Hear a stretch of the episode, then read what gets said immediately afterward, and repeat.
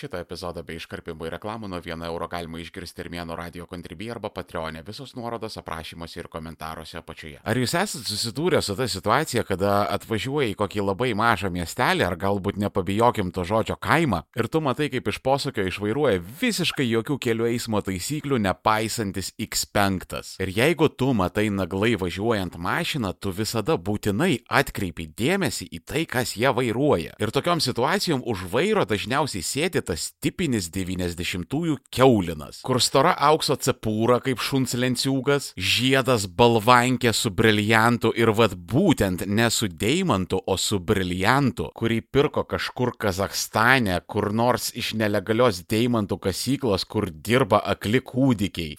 Philip Plein maikė aptemtas cirozinis pilvas, skusta galva, jokio kaklo, gučiai pederastke, Louis Vuitton dėkliukas telefonų iš AliExpreso. Karočią pilna paradinė uniforma, bahūrų garbės kuopa. Ir tie žmonės dažniausiai elgesi kaip atrodo, vad pagal visas 90-ųjų panetkės. Homofobai, ksenofobai, antivakseriai, muša žmonas, vaikus, turi antras šeimas, slepia mokesčius, įma kyšius, duoda kyšius, serga veneriniam ligom. Toks vaikščiojantis ir kvepuojantis Emilio Vėlyvio filmas. Patinka kiksmažodžiai, prenumeruok Armėnas Plus tik už vieną eurą į mėnesį Armėno radio kontribį arba Patreonė ir klausyk epizodo be reklamų ir iškarpimo. Visos nuorodos aprašymuose ir komentaruose apačioje. Ir paskui tu sužinai, kad šitas keulės nukės yra koksai nors vietinės valdžios atstovas. Kita kartą fucking meras. Meras, kuris visada vairuoja neblaivus, niekada nerodo posūkių ir visada žost, kai viršyje greitį. Ir visi miesto žmonės visada susimasto, kad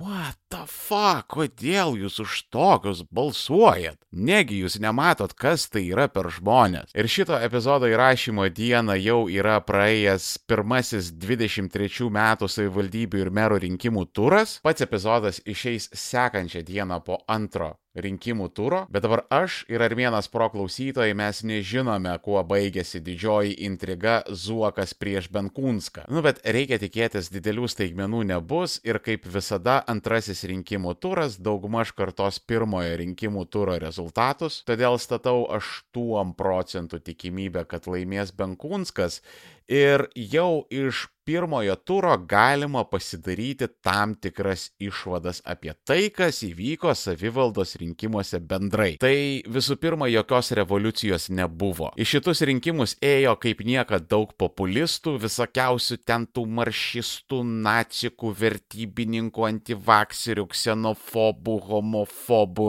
rasistų, žmonmušių, karočią visų va šitų va. Ir daugumoji juos visus suspardė į mėsą. Yra tokių nedidelių pergalių, pavyzdžiui, Pinskuvienė Širvintas iš pirmo turo laimėjo, nacionalinis susivienijimas tris vietas Vilniuje gavo, bet bendras vaizdas buvo labai blogas ir žmonės paprasčiausiai ėjo ir balsavo už sisteminės partijas. Ir iš principo po pirmo turo Lietuvos savivaldybių sudėtis šiemet dramatiškai nesikeitė, vadinasi, žmonės balsavo už stabilumą. Bet jau žoskai stabiliai buvo regionuose. Kaimuose ten iš viso yra amžini merai, amžini seniūnai ir amžinos savivaldos tarybos. Pas mane buvo gyvenimo etapas, kada aš dirbau Utenos rajone ir aš tos periferijos prisižiūrėjau iki sočiai. Ir aš esu susitikęs su žmonėm, kurie va kaip pradėjo, būdami kokiais gudžiais 84 metais, būdami sovietiniai, komunistiniai ten vietos savivaldos deputatai, taip jie ir nepriklausomoji Lietuvoje toliau savivaldos taryboje ir sėdi. Didesniuose miestuose tai yra proto nesuvokiamo, kai kuriuose kaimuose yra normalu. Suprantat, kada kažkokioje vietovėje yra mažai gyventojų,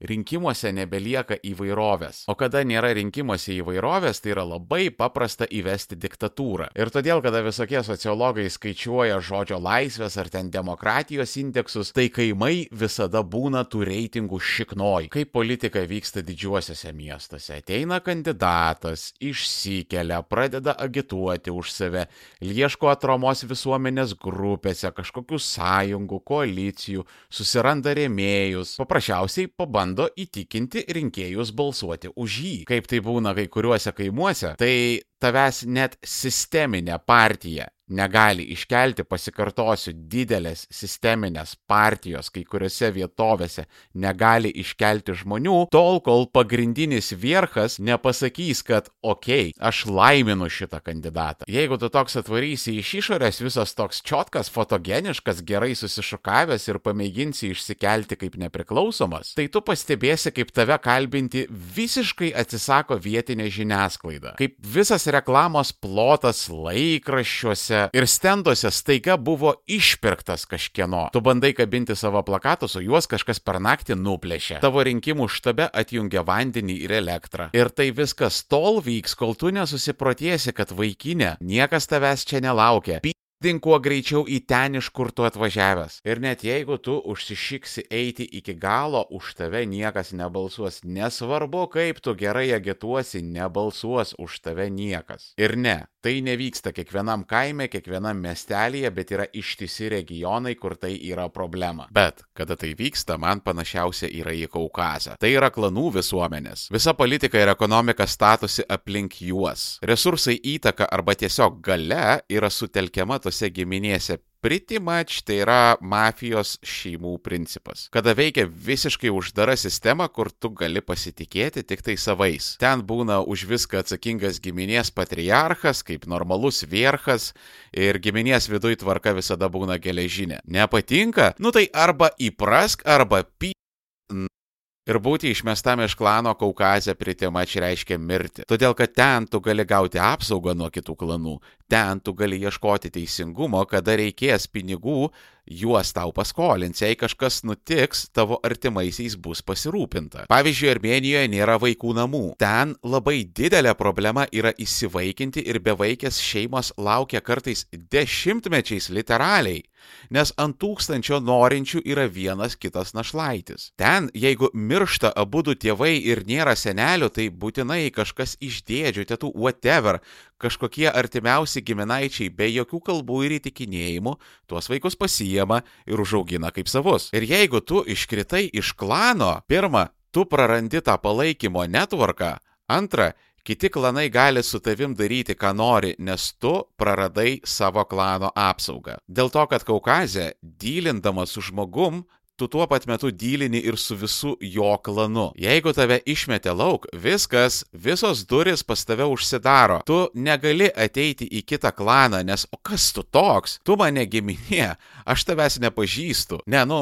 Yra variantas per santoką ateiti į kitą klaną, bet blecha, tu jau saviškius išdavėjai, kur garantijos, kad tu nepadarysi mums to paties. Čia šitai vietai man gavosi lyrinis nukrypimas apie Kaukazo klanų politiką ir vieną tokią internetinę samokslo teoriją apie Ramzano Kadairovą. Bet žiūriu ir taip per ilgas epizodas gavosi, todėl palikau Armėnas Pro klausytojams. Armėnas Pro - pilnos trukmės epizodai be reklamų. Užsisakyk planą Armėno radio kontribį arba Patreonė tik 4,99 eurai į mėnesį. Visos nuorodos aprašymuose ir komentaruose apačioje. Ir šitos panetkės yra identiškos kai kuriems Lietuvos kaimams. Ten klanai nėra būtinai tokie akivaizdus, bet jie yra. Kada tu matai tokią uždarą kunigaikštystėje, kurioje 30 metų nesikeičia valdžia, tu beveik visada randi tokią ant šeimos ir labai artimų pažinčių ir ryšių pastatytą vietinę aristokratiją, kada vietos verslas, politikai, valdininkai, teisėsaugininkai ir banditai yra sušokę į tokį visagalį monolitą. Pasižiūri į tokio miestelio gyventojų skaičių ir randi ten kokius, nežinau, 6 tūkstančių žmonių,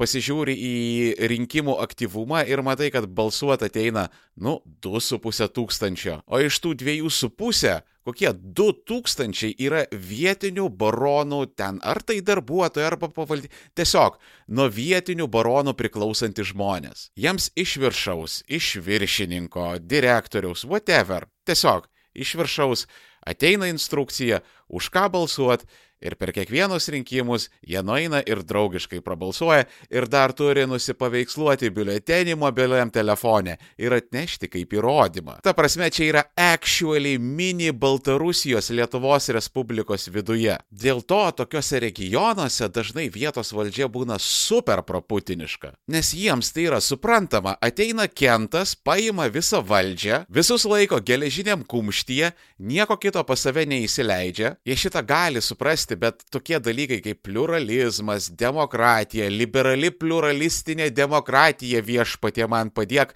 tu tokių dalykų jam negali išaiškinti. Čia kaip daltonikui paaiškinti, kaip spalvos atrodo. Ir kada čia jau antri metai per visą Lietuvą vyksta Ukrainos palaikymo akcijos, tai tos kunigaikštystės labai rezervuotai žiūrėjo, ten buvo daug tokių labai atsikalbinėjimų, kad ai čia mes negalim priimti pabėgėlių, čia mes pinigų neturim, to nėra, šito trūksta ir panašiai. Ir tuo pat metu šalimais matai dar mažesnį miestelį, tik tai su demokratiškai išrinkta valdžia ir su dar kuklesniais resursais jie savęs negailėdami padeda Ukrainai. Čia aš jūs galiu patikinti kaip žmogus savanoriaujantis Ukrainos paramos fonde. Jei jau prabilom, tai čia geras sėkvėjus buvo. Jei jau prašnekam, tai Olegas Šurajevas ir jo vienas K paramos fondas artėja prie penkių jūsų suaukotų milijonų eurų. Visi lygi vieno buvo paskirti neonacistinės rusofobijos tikslams. Prisidėkite prie pasaulinės homoseksualizacijos ir jūs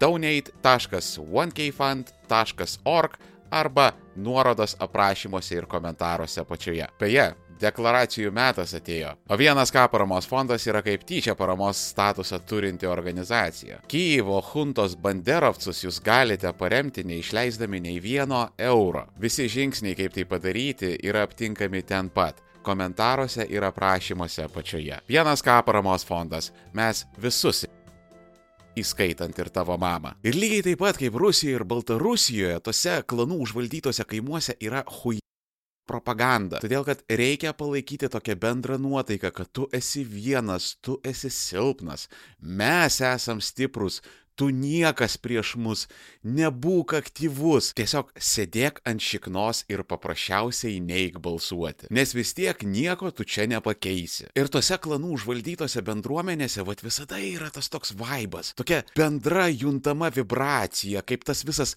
latentinis homoseksualizmas nacionaliniam susivienijime. Ir kada tu tai darai dešimtmečiais, tas veikia. Žmonės nebemato prasmės balsuoti ir tas tavo kišeninis balsavimo blokas, vaikas, kuris yra visiškai tau pavaldus ir balsuoja taip, kaip tau reikia, staiga jisai tampa nežmoniškai galingas. Ir galutiniausiai viską dakala demografija. Dėl to, kad Lietuvos periferijoje, jeigu tu gabus, jeigu tu gerai mokaisi, jeigu tu esi iniciatyvus ir šiaip iš tavęs kaip iš žmogaus yra labai daug naudos, tu kaip taisyklė emigruoji į užsienį arba didesnius miestus, nes ten pas tave atsiveria visai kitokios galimybės. Pavyzdžiui, tu labai gerai mokaisi, bet tavo regione tiesiog vidurinė mokykla tai yra linijos pabaiga. Jeigu tu nori ar į profkę, arba į universitetą, tau jau tiesiog reikia pradėti ieškoti didesnio miesto. Lygiai taip pat su profesijom. Tu gali būti labai geras suvirintojas kokiame nors troškūnų kaime, bet tavo apvirinimo paslaugos ten nelabai yra reikalingos. Tau reikėtų judėti į kokį panevežį, į Šiaulius, Vilnių, Kauną, kur yra visokios komercinės pramoninės veiklos, ten tau yra vietos pasidėti. Ir prastėjančią Lietuvos demografiją labiausiai pajuto Lietuvos kaimai. Nes čia Vilniuje viskas all good, ta prasme, čia demografija yra pozityvi. Čia niekas mokyklų ir darželių neuždarinėja, nes jų paprasčiausiai trūksta. Ir aš pastoviai sutinku tuos studentus, kurie dievagojasi, sako, nu vad baigsiu mokslus Vilniuje ir grįšiu aš į tą savo gimtąją plungę, negaliu be jos gyventi. O bet tame tarpe atsiranda draugai, atsiranda santykiai, tu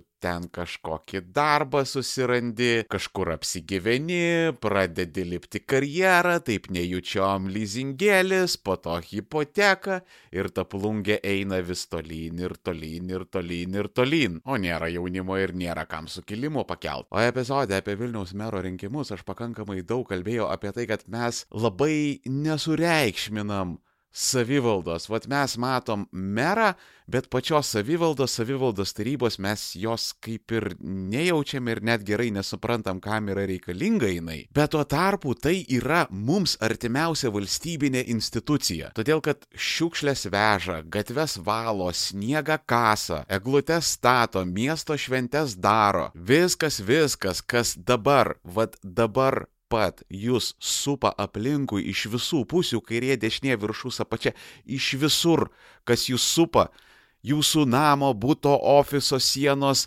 mašinos vidu. Vat viskas, kas jūs supa, tai kaip taisyklė yra savivaldybė. Ir jūs atvykėliai iš kaimų, ar mažesnių miestų, ar regionų, ar whatever, kokį čia politkorektišką žodį panaudot man, kad neužsišiktų koksai nors leftistėlis. Jūs esate tie, kurie labiausiai yra atsakingi už tai, kad kai kuriuose vietose įsitvirtina kunigaikštystės. Jūs atvarot į didžiuosius miestus, bibidėjot, kas pas jūs tėviškėse vyksta, savivaldos rinkimuose jūs iš vis nebalsuojat, nes absoliučiai nešarinat, kas ten vyksta jūsų vietos politikoje. O galėtumėt, paprasčiausiai galėtumėt. Hebra, tai nėra sunku, kiekviename socialinėme tinkle yra grupsas ar čatas ar whatever koks kitoks internetinis resursas, prie kurio jūs galite prisijungti ir gauti žinias apie savo gimtojo miesto vietos politiką. To ieškoti jūs užtruksite pusvalandį. Ir vsio, Tiesiog viena akim pastebėti, kas vyksta jūsų tėviškės politikoje ir prasidėjus savivaldos rinkimams, nueit ir informuotai prabalsuoti. Ir tada tokiu atveju klanų užvaldyti kaimai yra nebeįmanomi, nes jūs toli propaganda ant jūsų neveikia ir atnešt parodyt mobilų telefoną jūsų nepriversi. Vsio, šachas ir matas Pinskuvienė. Ir jūs galite rinktis to nedaryti. Bet jeigu jūsų tėvai gyvena tokiuose baronų savivaldybėse, tai jūs paprasčiausiai leidžiate juos apvaginėti. Bet įsivaizduokit, jūsų tėvų namai Jūs stovite prieš juos, matote, kaip vagys išlaužia duris, langus, neša iš jų viską, viską, ką randa - televizorius, kompiuterius, mobilius telefonus, visas santaupas, brangenybės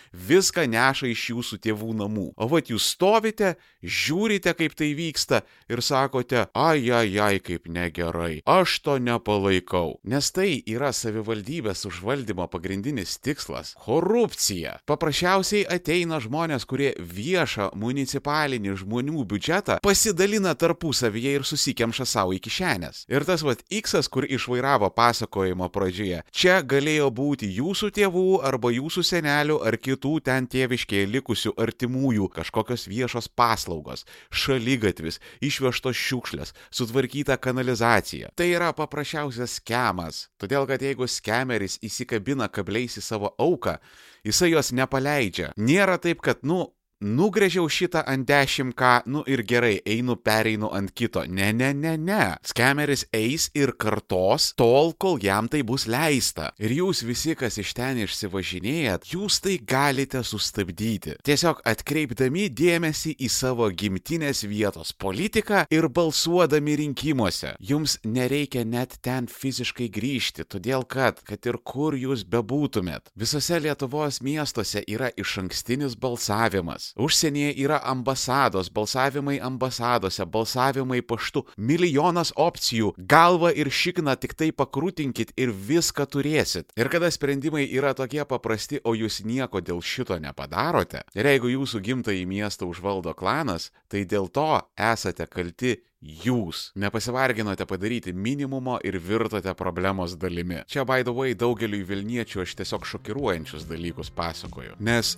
Vilnius su savo apskritimi jisai visiškai atskirai nuo visos Lietuvos gyvena. Jeigu taip staiga pranyktų visa periferija, tai mes čia Vilniuje virstume į tokį Luksemburgą, basically. Ir apie tai kitos savaitės epizodas Armėno radio klausytojams iš kitų miestų apie tai, kaip iš tiesų gyvena Vilnius. Jeigu nenori laukti ištisos savaitės, epizodas jau guli Armėno radio kontribį arba Patreonė. Prenumeruok Armėnas Pro ir klausyk visų epizodų iš anksto viso labo 4,99 eurų į mėnesį. Visos nuorodos aprašymuose ir komentaruose apačioje.